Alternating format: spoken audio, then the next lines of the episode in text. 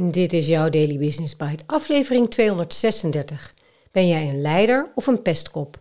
Door Arco van Brakel op deondernemer.nl. Het is deze week Broertjes van Brakeltijd. Daar kwam ik onlangs achter toen Eduard van Brakel zijn broer Arco van Brakel noemde in een LinkedIn-post. Ha, leuk. Gisteren dus over luisteren en vandaag over pesten. Ook zo'n belangrijk onderwerp en in ieder geval iets waar ik altijd heel erg van schrik als ik verhalen lees of feiten op een rijtje zie. Volwassen mensen die pesten. Ik vind het toch wel wat. Let's start.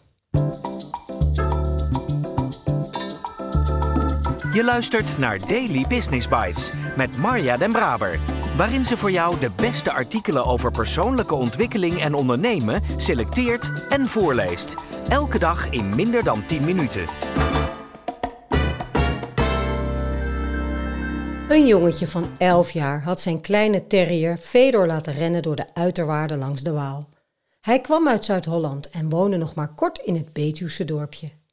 Het ventje praatte dus anders en was bovendien best slim, maar ook een beetje een dromer. Op zijn vorige school was hij schoolkampioen zwemmen, maar dat telde niet meer, want hier voetbalde iedereen. En dat kon hij niet goed. Hij was dus anders en werd al snel gepest. Toen pissen plassen werd, begon het gezeik, zeiden ze over nieuwkomers in het dorpje. Hoe ver die afkeer voor import ging, zouden het jongetje en zijn hond vandaag aan een lijve ondervinden. Een klasgenoot liet samen met twee jongere vriendjes ook een hond uit. Een groot, zwart, vals beest. Een kruising tussen een Rottweiler en een Labrador. Het beest liep los. En de andere jongens stuurden deze behoorlijk afschrikwekkende waakhond op Fedor af. Die kon niet meer vluchten of zich verdedigen, want hij zat inmiddels vast aan de lijn. Fedor was geen partij voor het sterke beest en lag al snel op zijn rug. Een normale, goed gesocialiseerde hond stopt dan zijn aanval. Maar dit valse beest niet. Hij ging door en greep Feder met zijn sterke tanden vol in zijn buik. Het jongetje dook bovenop de zwarte hond en sloeg net zo lang op zijn grote kop tot hij losliet. Feder was meer dood dan levend. De andere jongens staken geen hand uit en stonden honend te lachen, moedigden hun hond zelfs aan. Het beest liet los en gelukkig liet hij het jongetje met rust, misschien wel uit verbazing of respect dat hij werd aangevallen. Feder was ernstig gewond en het jongetje droeg hem naar huis om zo snel mogelijk naar de dierenarts te gaan. Twee weken lang balanceerde Feder tussen leven en dood. Gelukkig kwam het goed. Het beestje is 15 jaar geworden. Maar zo ver gaat pesten dus.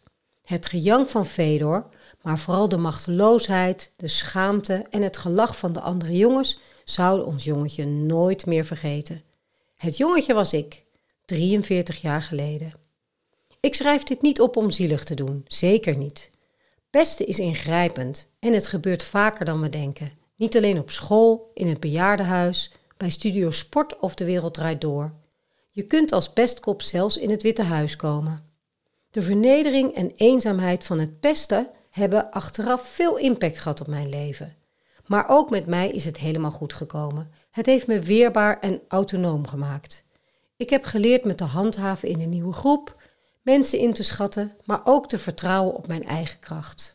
Maar dat geldt helaas voor lang niet alle pestslachtoffers. In mijn geval heeft deze ervaring er ook voor gezorgd dat ik me niet meer zo snel laat raken.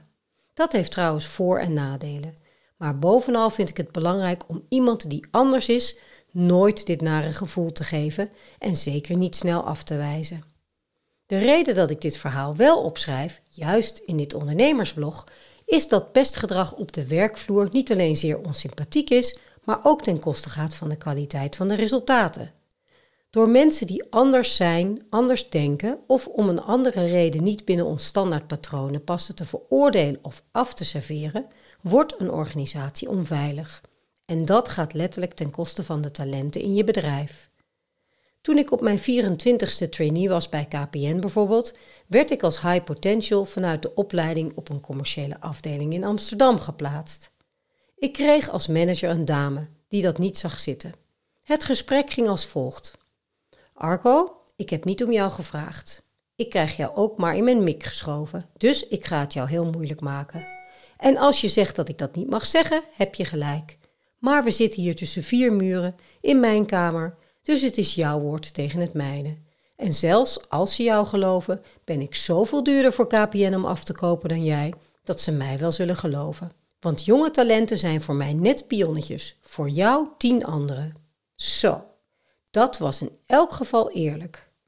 Achteraf ben ik deze zeer onaardige mevrouw eeuwig dankbaar, want ik wilde zo gauw mogelijk weg bij haar. Ik had me, toen ik me eenmaal van het pesten had ontworsteld, namelijk plechtig voorgenomen me nooit meer te laten piepelen. Ik stond dus open voor nieuwe kansen. Al snel ontmoette ik iemand die een internetbedrijf wilde starten en vroeg of ik mee wilde doen. Ik greep deze kans om met een echt ondernemersavontuur mee te doen met beide handen aan. Dat heeft mijn leven veranderd. Ik was inmiddels 25 en ons bedrijf Euronet was de eerste commerciële internetprovider van Nederland. We waren de eerste die internet als softwarepakket in de winkel verkochten en die exponentiële ondernemerservaring is het zakelijk fundament geworden voor alles wat ik daarna heb ondernomen. Zonder de KPN-mevrouw was dat misschien wel nooit gebeurd. Ze is dus eigenlijk een van de belangrijkste vrouwen in mijn leven. Praat ik het daarmee goed? Nee, natuurlijk niet. Pestgedrag ligt dichterbij dan je denkt. En hoe drukker we zijn, hoe sneller dit gedrag op de loer ligt. Pestgedrag ontstaat al wanneer je andere mensen langs jouw normen de maat neemt.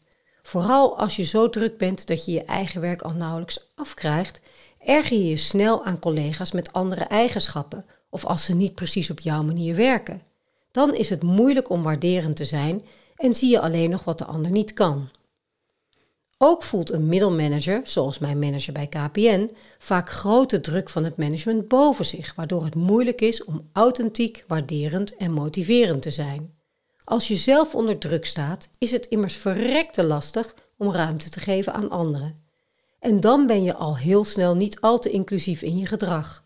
Vrijwel alle pesters hebben, net als een manager die onder druk staat, meestal zelf een probleem dat ze onbedoeld op hun omgeving projecteren. Schadelijk gedrag met alleen maar verliezers. Een groot gevaar voor onveiligheid ontstaat ook als de kritiek verstomt, vaak bij zeer succesvolle leiders. Je herkent ze vast wel, de lieden met veel geld en veel succes die zichzelf uiterst serieus nemen en eigenlijk vinden dat er voor hen andere regels gelden. We kennen allemaal de frauduleuze Maserati-directeur van de woningbouwvereniging of de succesvolle presentator die zijn teamleden honds behandelt. Door gebrek aan tegengeluid wanen ze zich onaantastbaar. Ook dit is pestgedrag. Een vals gevoel van macht, gevoed door een groep angstige, afhankelijke meelopers. Net als op de basisschool. Bij leiders die zich onaantastbaar wanen, durven mensen namelijk hun eigen talenten niet te laten zien, hun mening niet te geven, geen ideeën te etaleren en tonen ze geen eigenaarschap. Ze doen het voor hun gevoel namelijk toch nooit goed. Dan lopen je beste mensen dus weg of de angst zit er zo diep in dat de blijvers voortaan slaafs doen wat ze gezegd wordt. Zo creëer je ja-knikkers in plaats van opgewekte initiatiefnemers die voor blije klanten en mooie innovaties zorgen. Moet je dan als leider een softie zijn? Nee, natuurlijk niet. Er is niets mis met een heldere, eerlijke en duidelijke feedbackcultuur. Het mag ook best af en toe schuren. En als je niet tevreden bent, mag je dat natuurlijk zeggen. Maar dan moet je ook feedback kunnen ontvangen. Het is zelfs gevaarlijk om het altijd met elkaar eens te zijn, want dan ligt tunnelvisie op de loer en kun je je niet meer innoveren. Juist door de diversiteit in je team maximaal te benutten, bouw je een high-performance team. De essentie van leiderschap is dat je de mensen om je heen helpt te groeien. De essentie van pestgedrag daarentegen is dat jij je goed voelt door anderen klein te maken. Als jouw mensen groeien, groeit je bedrijf. Maar mensen die zich klein voelen, houden ook je bedrijf klein. Als jongetje van elf voelde ik al feilloos aan dat de pestkoppen die mij klein maakten, daar zelf nooit groter door werden. Maar als je er bewust voor kiest om anderen te helpen groeien, zul je ook zelf groei ervaren. Dus stel jezelf de vraag: wil je een succesvolle leider zijn of ben je stiekem toch een pestkop? Daily Business Bites met Marja Den Braber. Je luisterde naar Ben je een leider of een pestkop door Arco van Brakel. Zo, alles in mijn lijf spant zich aan als ik zo'n verhaal over een elfjarig jongetje lees. En zeker als ik het ook nog eens voorlees. Onrechtvaardigheid en machteloosheid, die, dat doet wat met mij. En ik zit, soms helaas, ook vaak direct helemaal midden in het verhaal. Mooi dus dat Arco met dit artikel aandacht hiervoor vraagt. Van een gepeste jongen van 11 op de basisschool wist hij zich gelukkig op te werken tot de ondernemer achter de eerste commerciële internetprovider van Nederland en heeft deze gebeurtenis hem gevormd. Maar zoals hij zelf ook al aangeeft, dat zal helaas niet bij iedereen het geval zijn. Dus wat zijn de dingen die jij doet binnen jouw team of bedrijf om pesten aan te pakken? Ik spreek je graag morgen weer.